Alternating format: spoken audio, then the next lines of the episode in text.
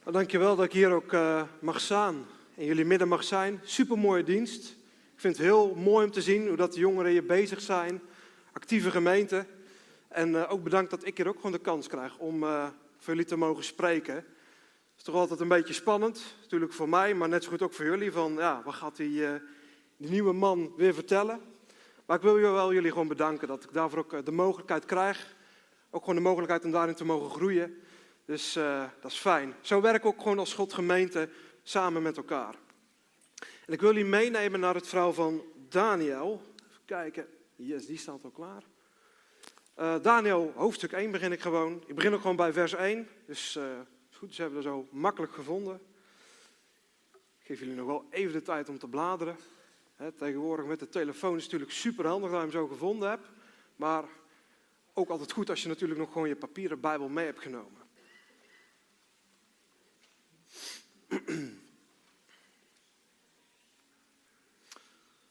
Right. Daniel hoofdstuk 1 vanaf vers 1.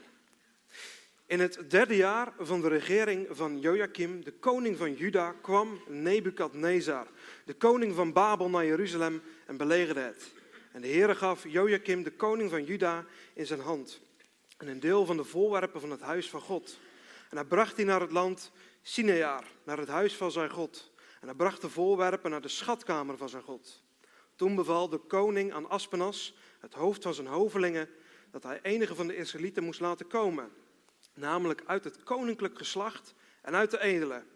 Jonge mannen, zonder enig gebrek, knap van uiterlijk, bedreven in alle wijsheid, ervaren in wetenschap, helder van verstand en die in staat waren dienst te doen in het paleis van de koning en dat men hem moest onderwijzen in de geschriften en in de taal van de Galdeën. De koning nu stelde een dagelijkse hoeveelheid van gerechten van de koning voor hem vast. En van de wijn die hij dronk, om hen in drie jaar zo op te voeden dat ze aan het einde daarvan in dienst konden treden van de koning. Onder hen waren de Judeërs Daniel, Ganania, Misaël en Azaria. Het hoofd van de hovelingen gaf hun andere namen. Daniel noemde hij Beltsassar en Hanania Sadrach. Misaël, Mesach en Azaria Abednego. Daniel nu kwam met zijn hart voor zich niet te besmetten met de gerechten van de koning of met de wijn die hij dronk. Daarom verzocht hij het hoofd van de hovelingen of zij zich zouden hoeven te verontreinigen. God gaf Daniel genade en barmhartigheid bij het hoofd van de hovelingen. Want het hoofd van de hovelingen zei tegen Daniel: Ik ben bevreesd voor de Heer en koning en het eten en het drinken wat, wat hij heeft vastgesteld. Want waarom zou hij zien dat uw gezichten er slechter uitzien dan die van de andere jonge mannen van uw groep? U zou bij de koning mijn hoofd met schuld beladen. Toen ze Daniel tegen de kamerheer, die het hoofd van de hoveling had aangesteld over Daniel, Hanania, Mizel en Azaria, stel uw dienaren tien dagen op de proef. En laat ons plantaardig voedsel geven, zodat wij dat eten, en water, zodat wij dat drinken. En laten wij dan in uw tegenwoordigheid ons uiterlijk en uiterlijk van andere jonge mannen die de gerechten van de koning eten, bezien worden. En doe het dan met uw dienaren wat u ziet. Hij luisterde naar deze zaak. Tien dagen stelde hij hen op de proef. Aan het einde van die tien dagen zag men dat hun uiterlijk knapper was en zagen zij gezonder uit dan alle andere jonge mannen die van de gerechten van de koning aten. Toen gebeurde het dat de kamerheer hun gerechten en de wijn die zij moesten drinken wegnam en dat hij hun plantaardig voedsel gaf. Aan deze vier jonge mannen nu gaf God kennis en verstand van allerlei geschriften en wijsheid. En Daniel gaf hij inzicht in allerlei visioenen en dromen. Aan het einde van de dagen, waarvan de koning had gezegd dat men moest laten komen, liet het hoofd van de hovelingen hem bij koning Nebukadnezar komen. De koning sprak met hen. Onder hen allen werd niemand gevonden als Daniel, Ganania, Misael en Azaria. En zij traden in dienst van de koning. In alle zaken waar het op aankomt, op wijsheid en inzicht waarover de koning hen ondervroeg, vond hij hen tienmaal beter dan alle magers en bezweerders in het hele koninkrijk. En Daniel bleef tot het eerste jaar van koning Kores. Zover, Daniel, hoofdstuk 1. Zo begint dus de taak, de bediening van Daniel aan het hof van koning Nebukadnezar. En Daniel is een bekend persoon uit de Bijbel. Ik denk dat de meesten van jullie wel hebben gehoord van Daniel in de leeuwenkuil. Een zeer inspirerende geschiedenis van een man die rotsvast staat in zijn geloof. Die de dood in de ogen kijkt en toch besluit van nee, ik kies voor God. Zelfs al kost het het mijn leven. Dat is het karakter van Daniel. En daar kunnen we tegenwoordig veel van leren. Maar goed, het is ook een oud verhaal. Een ruime 2500 jaar terug. Tegenwoordig leven we in een andere tijd. Tijd van mobiele telefoons, tijd van auto's. Andere wereld, andere problemen zou je zeggen. Wat kunnen we dan nog van Daniel leren? Veel. Heel veel. Ik denk, ondanks het grote tijdverschil, dat onze tijd heel veel lijkt op die van Daniel. En ik wil jullie daarin meenemen. Maar voordat ik inga op Daniel zelf, wil ik kijken naar de plek waar hij komt. Babel. Een Babel komt op meerdere plekken voor in de Bijbel. Te beginnen bij Genesis hoofdstuk 11. De torenbouw van Babel. Op dit moment in de geschiedenis spreken alle volken dezelfde taal. En ze hebben eigenlijk één doel. We gaan een hoge toren bouwen. Iets groots. Zodat de mensen door de eeuwen heen ons blijven herinneren. Herinneren aan de grote dingen die wij hebben gedaan. ze beginnen met bouwen. En God ziet het en zegt, kijk aan, het gaat ze nog lukken ook. En God geeft de mensen andere talen om te spreken. De bouw van de toren die stopt. De mensen die worden verspreid over heel de aarde. En daarom heet Babel verwarring in het Hebreeuws. In Babel werd als eerste verwarring gezaaid. Verschillende talen werden gesproken. Maar Babel staat ook voor dit andere. Dat mensen iets groots willen doen zonder God. Onafhankelijk van God. En dit zijn twee dingen die je even in heel de preek moet onthouden. Babel is verwarring. En Babel is mensen willen onafhankelijk van God iets groots gaan doen. Spoelen even door dan neem ik Adneza, de tijd waar Daniel in Babel is. En wat voor positie heeft Babel nu? Babel is een wereldmacht geworden, een wereldrijk. En in Daniel hoofdstuk 2 krijgt Nebukadnezar een droom. Een droom over een beeld. Een beeld gemaakt van goud, van zilver, van brons, van ijzer en de onderkant van ijzer en leem. Ik ga niet al te diep in op eh, de uitleg van het beeld omwille van de tijd. Maar al deze metalen staan voor wereldrijken. Waarvan op nummer 1 Babel. Babel is één, Babel is goud, het hoofd. Waarom eigenlijk? Om toch even een voorbeeldje te noemen, het IJzeren Rijk, nummertje 4, is het Romeinse Rijk. Voor ons een heel bekend rijk uit de geschiedenis. Veel landen veroverd. Waarom staat Babel op één? Al deze rijken hebben gemeen dat zij als mens zijnde iets groots willen doen. De wereld willen overheersen. En daarover is Babel de grote koning. We gaan weer verder. Openbaringen 17 en 18. Dus het Bijbelboek die spreekt over de toekomst, over de tijd die komen gaat. En ook daar komen we weer Babel tegen. Een oude stad, maar nog steeds actueel. Hierin staat Babel meer als de grote macht over de wereld. Er wordt ook gesproken over de Babel als stad, maar ook als een politieke macht, als een economische macht, een wereldgodsdienst en een wereldcultuur. Dit is even het kort Babel in de Bijbel. Maar wat zegt Babel dan over ons? En daarover kom ik nu aan bij Daniel. Ik wil gewoon even aan jullie vragen. Hoe oud was Daniel toen hij vanuit Jeruzalem naar Babel werd weggebracht? Ik wil gewoon wat handen zien. Was Daniel tien jaar? Steek dan je hand op. Was Daniel tien? Nee? Was Daniel ongeveer vijftien? Ja, ik zie nu een paar handen. Heel goed. Was Daniel ongeveer 20? Een paar handen. Was Daniel ongeveer 25? Nee. De meeste handen zag ik al rond 15. Wat ik heb kunnen vinden is dat Daniel tussen de 14 en de 16 jaar oud was. Een jonge man. 14, 16 jaar. Ik wil even zeggen, hij is 16 jaar. En zijn opleiding, staat in de Bijbel, duurt ongeveer drie jaar. Dus als de opleiding is afgelopen, is hij maximaal 19. Ik wil even handen zien. Van 14, leeftijd 14 tot en met 19. Hoeveel mensen daarvan zijn nu in de zaal? 14 tot en met 19. Steek maar even je hand op. Kijk aan. Jullie zijn allemaal net zo oud als Daniel. Over alle dingen die ik net heb gelezen. Dat dus een jongen van jullie leeftijd, jongens van jullie leeftijd, die die keuzes ging maken. En als ik nu kijk in de tijd waarin dat we leven, dan lijkt dat heel veel op wat ik eigenlijk ook net heb verteld over Openbaringen 17 en 18, over dat Babel. We zien steeds meer dat in Nederland, maar in andere westelijke landen, dat mensen de kerk verlaten. En dan vind ik het wonderlijk om te zien dat we hier met een grote gemeenschap bij elkaar zijn. Maar het is helaas wel zo. Mensen verlaten de kerk en verlaten God. En wat komt daarvoor in de plaats? Mensen die het graag zelf willen doen.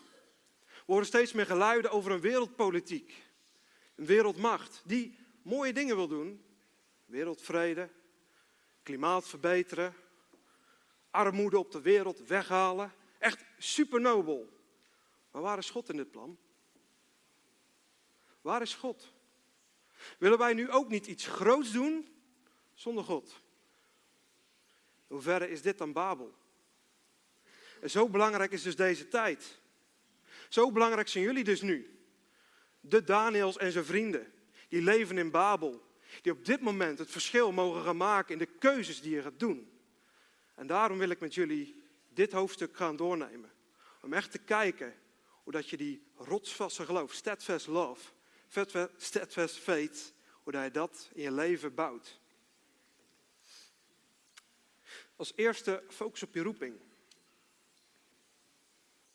We lezen dat Daniel en zijn vrienden belangrijke jongens zijn. Ze zijn van adel, of in ieder geval van een edele familie. En dan kan je misschien denken van ja, uh, ik ben niet van adel. Ik heb ook uh, geen uh, oom die graaf is of zo. En ja, als ik ook in de kerk zit, ja, mijn ouders zijn misschien geen oudstiever in de gemeente. Die hebben ook geen leidinggevende functie, of misschien juist wel. Of onze familie is ook niet zo super religieus, dus wat zou God van mij willen? Het is goed op te letten wat God van je wil, wat jouw roeping is. Want oorspronkelijk hadden deze jongens van adel een taak om te dienen als koningen of als raadgevers van Juda. Dat was een oorspronkelijke taak. Moet je je voorstellen dat Daniel en zijn vrienden aan het hof hadden gediend van Juda. Misschien was het dan nog een goede koning geweest. Maar nee, ze werden weggenomen. Ze moesten in Babel zijn. Daar heeft God ze ook geplaatst. Maar van een oorspronkelijke geboorteroeping werden ze weggehaald. En ik wil je vragen, hoe is dat in jouw leven? Ben je ook bezig met je roeping? Misschien zeg je wel, ja, ik bid wel veel, maar ik hoor niks van God hoor. Zeg je nu wel, bezig zijn met je roeping? Zou kunnen dat God zegt van, nee, ik ben nog aan het kneden, ik ben aan het klaarmaken, het is nog niet de tijd. Aan de andere kant wil ik ook zeggen, er zijn genoeg dingen die ons ook afleiden. Andere dingen om mee bezig te zijn. Niet direct dingen die verkeerd kunnen zijn, maar wel dingen die vanuit Babel misschien kunnen komen. En die je daarom afleiden van je roeping. Het is dus goed om scherp te blijven. Zoals ik al zei, Babel zorgt voor verwarring. En als je verwarring ervaart in je leven, hoe kan je dan je roeping ervaren? Dat is belangrijk om dicht bij God te blijven. Ik wil met jullie daar verder op in. Aan de hand van het verhaal van Daniel. En op de eerste plaats is het goed om te weten wat je roeping is. Is ook om te weten wat je identiteit is. De kerk wordt er wel eens genoemd. Je identiteit in Christus. Wie ben jij door Jezus heen? En Daniel en zijn vrienden die blijven stand houden in hun identiteit. Dat lezen we al in dit verhaal, maar dat lezen we keer op keer op keer. En de naam die ze blijven houden, getuigt er ook van. Daniel blijft Daniel heten. Door al die verhalen heen. Hij blijft Daniel. En als je dieper inzoomt op de betekenis van deze namen, dan zie je ook de strijd die deze mannen hebben geleverd voor hun identiteit. Ik ga er stuk op stuk voor in en ik probeer deze worstelingen naar deze tijd te halen. Op de eerste plaats Daniel. Wat betekent God is mijn rechter. En de Babyloniërs noemen hem Beltsassar. Ik kan verschillende betekenissen vinden. Ik hou voor nu ook even de betekenissen aan die ik vanuit mijn studiebijbel heb, maar er zijn verschillende betekenissen. En één daarvan is uh, dat, dat Daniel betekent, nee, dat Belshazzar betekent bescherm de koning. Nou, bescherm de koning, dat is nog niet zo heel schurend bij identiteit. Klinkt nog best nice, toch? Bescherm de koning. En als je kijkt naar het leven van Daniel, goede raadgever, trouwe dienaar. Hij kan de onmogelijkste dromen uitleggen. Ja, dan snap ik wel dat die naam past, bescherm de koning. Hij heeft diverse koningen gediend. Maar waarom was Daniel nou zo trouw? Omdat Daniel op de eerste plaats God trouw is. Hij luistert eerst naar God. En die heeft hem in die positie gezet. En daarom is hij zo trouw. Je kan de naam ook uitleggen met de vrouw van de God Bel. Jullie zien misschien hier al staan. Het zijn misschien wel kleine lettertjes. De vrouw van de God Bel. Daniel wordt van mannelijk naar vrouwelijk gemaakt. Hoe anno 2023 is dat? En naarmate dat ik het noem, weet ik ook gewoon dat ik nu een heel gevoelig punt aanraak. Dit punt ligt echt onder vuur, tegenwoordig. En begrijp me goed. Ik wil niet zeggen als je hiermee strijdt, of als je mensen kent die hiermee strijden, dat ze per definitie onder de geest van Babel vallen. Of dat het slechte mensen zijn. Nee, als je ermee strijdt, is het teken dat je nog een keuze moet maken, dat je een worsteling bent. Dan is het juist God, degene waar je mag zijn. Waar je met antwoorden mag komen, juist in de kerk. En ik ben niet te gast, ik ken jullie kerk niet, maar ik weet wel van wat ik heb gelezen, dat er pastoraal werk is, dat er oudsten zijn, dat er ruimte is om met elkaar te praten. En dat is juist zo belangrijk, om het gesprek aan te gaan. Om te onderzoeken van wat wil God dan in mijn leven als ik hiermee strijd. En tegelijkertijd moet ik ook vertellen dat er in de wereld een andere stem gaande is die zegt, jij bepaalt. Jij bepaalt als mens wat je identiteit is. Zelfs als je man of vrouw bent. En die geest gaat ook door. En die horen we ook. En dat is zo belangrijk in deze tijd, in de tijd van Babel, van verwarring. Naar welke stem luister jij? Zeg jij, God is mijn rechter. Hij heeft de autoriteit over mijn leven en hij mag bepalen. En ik weet nu niet hoe dat het is, maar ik ga met hem de strijd aan. Of zeg je, ik zoek het zelf uit. Ik bepaal het. En over dit punt kan ik nog heel veel zeggen. Maar ik wil het voor nu even bij laten. Met als belangrijkste punt, zoek mensen op om erover te praten. Tweede naam, Ganania, betekent de Heer is genadig. En hij wordt genoemd Sadrach, wat betekent ik ben bevreesd voor God. Of bevel van Akku, maangod. Akku is de maangod. Ik ben erg bevreesd. Dat het zijn eigenlijke naam is, dat hij leeft in de genade. Leven in genade, dat is onze identiteit als christen. Jezus is voor onze zonde aan het kruis gegaan. Alleen door Hem zijn wij vergeven. In die genade leven wij. En Hij wordt genoemd, ik ben bevreesd voor God. Angst drijft juist genade uit. Als je gaat geloven in angst, dat je bang bent, zelfs bang voor God, komt er afstand tussen jou en God. En wordt het steeds moeilijker om genade te schenken, want je rent weg van God. Angst is een hele slechte raadgever. Maar angst kan wel zomaar je leven inkomen. Ik zie het bij mijn eigen cliënten. Die bang zijn om uit te stappen. En die vaak dan letterlijk vastzitten in hun eigen woning. En misschien zit je ook al vast in je klas. Je komt al naar school. Je doet je dingen op de sportclub of bij de muziek of noem het maar op. Maar je zit vast door angst. Dan wil ik je oproepen, laat genade in je leven komen. Want God is genadig. Als genade in je leven stroomt, stroomt angst eruit. De derde naam, Misaël, betekent wie is als God. En ze noemen hem Mesach, wat betekent ik ben van weinig belang. Of wie is als Akku. Wie is als God? Niemand is als God. Niemand kan tippen aan de maker van hemel en aarde. Niemand kan tippen aan een God die zelfs als mens naar de aarde komt en die zichzelf aan een kruis laat vastspijkeren om voor jou zonder te sterven. Geen één God doet dat. Niemand. Maar wat proberen ze over deze jonge man te zeggen? Hij van weinig belang is. Van weinig belang. Hoe snel geloven we eigenlijk dit? Ja, ik moet toch presteren? Ik moet toch wat betekenen? Misschien wel op school, hoge cijfers halen. Misschien door te sporten. Ik kan laten zien hoeveel kilo's daar je kan, eh, kan tillen. Of hoeveel doelpunten daar je kan maken. Misschien wel in muziek, hoe mooi daar je kan zingen. En als het niet mooi was, dan doet het iets met je.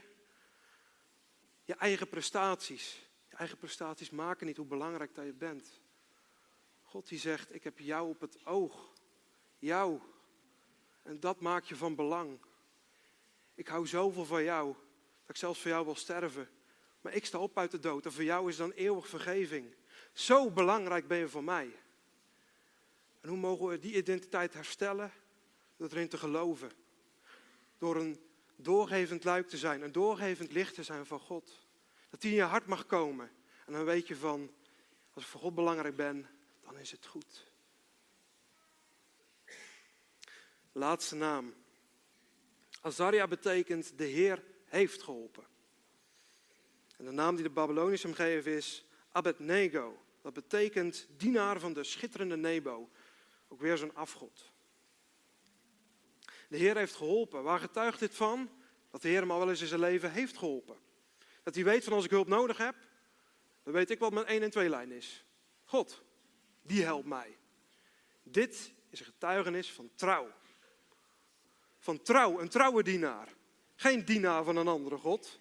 Geen dienaar die het elders zoekt. Hij blijft vast aan God. Een trouwe dienaar. Hoe moeilijk is het met de tijd van Babel ook vasthouden aan één God? Terwijl er zoveel mooie andere goden zijn. God van geld. God van beroemdheid. God van social media, van kijk mij eens. God van feesten en drinken. Een God van seksualiteit. En soms kan je wel eens even een kleine detour maken bij die andere God en dan weer terugkomen in de kerk. Meerdere goden dienen. Misschien niet zo bedoeld, maar ja, het gebeurt. Nee, wordt er in je identiteit geworsteld. Je kan geen twee goden dienen. Kom bij Jezus. Kom bij God. Maar die zegt, ik ben degene die heeft geholpen.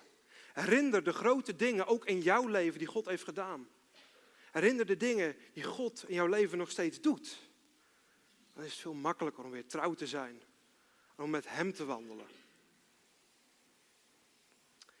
Ik wil ook nog stilstaan bij een andere naam. Een naam die niet op dit lijstje staat. Maar dat is de naam van Jezus. Jezus betekent, betekent Yahweh red. God die redt. Jezus is de Messias, de redder. En Jezus kwam ook op aarde. En er kwam een discussie met mensen. En zeiden die mensen tegen hem: Ja, kan wel mooi preken, maar ben jij wel de Messias? Ben jij wel de redder? Je zegt het wel, alleen uh, naar mijn beeld van de Messias klopt het niet helemaal. Dus leg het maar uit. Jezus bleef trouw aan zijn vader. Jezus bleef trouw aan zijn naam. Jezus wist waarvan hij zijn identiteit moest vasthouden. En misschien herken je niet dat Jezus liep te worstelen om zijn identiteit, omdat hij zo standvastig was.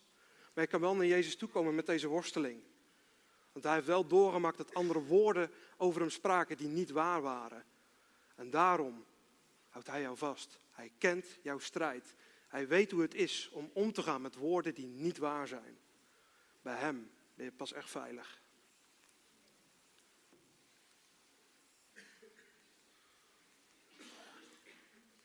Het is altijd natuurlijk traditie dat dat ding een keertje vastloopt. Juist. Oké. Komen naar Jezus. Het is wel zo'n term die heel vaak wordt genoemd in de kerk. Maar goed, hoe doe je dit nou praktisch? Hoe kom je nou praktisch naar Jezus toe? Wat houdt dat in? Gaat erom waar voed ik me mee? En dan heb ik het eigenlijk over geestelijk voedsel. Daar ga ik zo meteen nog wat meer uitleg over geven. Want de kwestie met Daniel en zijn vrienden gaat wel over daadwerkelijk voedsel. En ze krijgen lekkere maaltijden voorgeschoteld, maar Daniel en zijn vrienden die kiezen toch wel voor een vegetarisch dieet. En misschien luisteren jullie nu en denken van, oh, deze jongen is misschien wel een beetje radicaal, heel letterlijk. Gaat hij nu tegen ons zeggen dat we allemaal vegetarisch moeten gaan eten? Wees maar niet bang. Mensen die mij kennen, die weten dat ik ook van een lekker stukje vlees hou. Dus wat mij betreft mogen de kerkbarbecue gewoon doorgaan. Super gezellig. maar er zit wel een heel belangrijk principe in dit verhaal. Waarom maken deze mannen nou deze keuze? Ik wil hem steeds meer gaan inzoomen. Op de eerste plaats zou je kunnen zeggen, ze willen zich houden aan de Joodse eetprincipes. Maar de Joden mochten ook vlees eten. Gewoon lamsvlees was toegestaan, om een voorbeeld te noemen. Zij kiezen er echt voor om alleen groentes te eten, plantaardig voedsel. Een andere uitleg die ik tegenkwam zei, uh, het eten van de koning is gewijd aan de afgoden. Als Jood eet je dus dat eten niet, want het heeft in een afgodentempel gelegen. Het is onrein. Ze laten het staan. En ik denk wel degelijk dat er dat mee te maken heeft. Alleen werden ook granen en groentes, eerste dingen van de oost, ook bij een afgodentempel gebracht. Het gaat nog een laag dieper. Waarom eten deze jongens nou zo anders dan de rest? Het gaat eigenlijk ook weer een stukje over de identiteit. De koning, die stelt het eten vast. En eigenlijk wat koning Nebukadnezar zegt is, ik. Ik ben degene die jou voedt. Ik ben degene die jou maakt met mijn opleiding. Omdat jij er zo knap uitziet, kom door mij. Omdat jij alles weet, kom door mij. Alles heb jij te danken aan mij. Dus eet, drink. Het is allemaal van mij. Door mij maak ik je groot. Dat, zegt koning Nebukadnezar. En Daniel zijn vrienden die komen er gewoon tegenin. Die zeggen nee, God. God is het die ons voedt. Dus wij eten gewoon iets minder krachtiger. Iets meer groente, iets meer fruit. En wij krijgen onze kracht van God. Ze worden op de proef gesteld en wat blijkt? Ze krijgen inderdaad de kracht van God. Daar staan ze gewoon. En dat is wat er gebeurt. Ze gaan tegen dat beleid van de koning in. Maar ook God is het die zegt: Ik blijf jullie getrouw en ik geef jullie die kracht die jullie nodig hebben. En zo mogen we ook kijken naar Jezus. Jezus die gaat ook vaak bij mensen in huis naar binnen. Dan gaat hij eten met mensen. En we kennen natuurlijk het bekende verhaal van de vijf broden en de twee vissen. Dan deelt hij dat eten uit aan meer dan 5000 mensen. Waarom? Jezus zoekt de gemeenschap. We hadden de in het Oude Oosten. Door samen te eten krijg je een relatie met elkaar. Bouw een band op. Maar ook Jezus gaat nog verder. In Johannes 6, vers 48 zegt hij: Ik ben het brood dat leven geeft. Bij het avondmaal zegt hij: Over het brood, dit is mijn lichaam. Over de wijn, dit is mijn bloed. Waarom is Jezus het brood dat leven geeft? Juist in dat stuk van Johannes 6 vergelijkt hij zichzelf met het manna. Het brood wat de Israëlieten kregen in de woestijn. Doordat ze dagelijks de kracht kregen om de wandeling te maken in de woestijn. En dat is ook het brood dat wij geestelijk mogen eten. Hoe? Lees je Bijbel, bid elke dag. Dat bouwt je op. Dat maakt je sterk. Je kan natuurlijk ervoor kiezen, om net als Daniel en vrienden te zeggen van hé, hey, wij blijven weg van het verleidelijk voedsel van die koning. Want er lagen vast wel wat lekkere dingen daar op tafel. En je kan er ver, ver weg van blijven, maar je moet je eigenlijk ook voeden met kracht. En sta even stil bij dit punt. Daniel en zijn vrienden, die jullie leeftijd zijn, die pak een beetje rond de 16 zijn, die ervoor kiezen om ver weg te blijven bij verleiding. Die eigenlijk al leven onder strenge eetregels en dan toch nog strengere regels maken. Ja, deze is even leuk over de ouders. Moet je je voorstellen dat je afspreekt met je kind, 12 uur ben je thuis en om 10 uur staan ze al voor de stoep. Omdat ze zelf die keuze maken. Gek hè? Wij doen dat niet. Althans, toen ik 16 was, was van 12 uur half 1 maken. Grenzen opzoeken. En eigenlijk die tendens hoor ik in de maatschappij. Verleg je grenzen. Maak het maar breder. Experimenteer. Wat doen deze gasten? Die draaien precies andersom. Nog meer grenzen. Omdat ze er zelf voor kiezen, omdat ze er zelf achter staan. Een bewuste eigen keuze. En dat is ook wat je op deze leeftijd moet doen. Experimenteren? Nee, bewuste eigen keuzes maken. Ik zeg het misschien heel strikt, maar juist in de tijd van verwarring moet er duidelijkheid zijn. Waar kies je voor? En kies je voor Jezus, dan ga je deelnemen in een leven waarin je wordt gevoed door Hem. Waarin Hij je dagelijks brood is. En misschien denk je wel, ja, maar als ik het de Bijbel lees zoals ik bid, dan gebeurt er nog niet zoveel. Begin er maar gewoon mee. Dat het iedere dag een bepaald ritme wordt. Keer op keer op keer op keer. Waarom? Je hebt het nodig als voedsel. Weet ik nog wat ik vorige week heb gelezen? Misschien niet, maar je wist wel dat het opbouwend is. En dan zit er een proces in. Dan wordt het steeds meer van jou. Dan wordt het jouw identiteit. Zo ga je naar Jezus toe.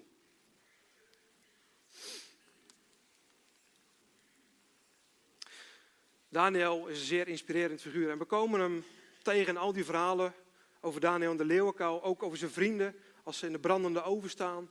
Radicale keuzes worden gemaakt. Dus als je nog een hoofdstuk, Bijbelhoofdstuk zoekt om te beginnen met je dagelijks brood, begin bij Daniel. Maar waarom konden deze mannen nou deze keuzes maken? Dat heeft ook te maken met vriendschap. Met goede vrienden die elkaar bemoedigen. Die zij aan zij staan. Die elkaar niet zomaar loslaten, zelfs als het moeilijk wordt. Als kijk in mijn eigen leven, kan ik sowieso één man uitpakken. En dat is mijn eigen broertje. Die er altijd voor mij is. Die me altijd weer inspireert. Die me zelfs over de lijn trekt, al moet ik dingen aan het licht brengen. Samen zijn wij een proces aangegaan van vriendschap en broederschap. En zo helpen we elkaar. En zo blijft hem op de dag van vandaag inspireren. En dat is wat goede vrienden doen. Ze blijven bij je. En je hebt er echt niet veel nodig hoor. Daniel had ook geen hele peloton aan vrienden achter hem lopen. Of een grote Facebookgroep of heel veel Instagram-volgers. Nee. Drie goede vrienden. Ik zou zeggen, als vuistregel, een handjevol vrienden, aan goede vrienden, heb je genoeg. Je hebt sowieso altijd om je heen heel veel contacten. Maar echt een goede vrienden. Waar je een band mee opbouwt, waar je dingen in deelt, die je regelmatig bezoekt. Heb je aan een handjevol echt meer dan voldoende. Daar bouw je iets samen mee op. En dat hebben we nodig als mensen. Zelfs Jezus. Die koos zijn discipelen uit. Die ging zijn discipelen, hij ging ze opbouwen. Naarmate dat proces was gevorderd, lezen we in Johannes 15 dat hij ze ook vrienden noemt. En noemt hij ze vrienden omdat dat allemaal zo gezellig is? Nee, hij zegt, jullie hebben niet mij uitgekozen, maar ik jullie. Jullie zijn mijn vrienden. En op het moment dat de strijd voor Jezus het heftigst was in Gethsemane, wie kiest hij uit om mee te gaan? Jacobus, Petrus en Johannes. Drie hele goede vrienden. Hele goede vrienden. Als Jezus die zelfs al nodig had, dan wij zeker. En deze drie hele goede vrienden die vallen in slaap. Dus goede vrienden die kunnen ook wel eens een foutje maken. Gelukkig leert Jezus ook om weer te vergeven. Maar hij koos ze wel uit.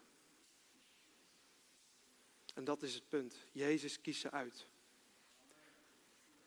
Het is voor ons de tijd om een generatie op te bouwen. Waarin er goede vrienden zijn.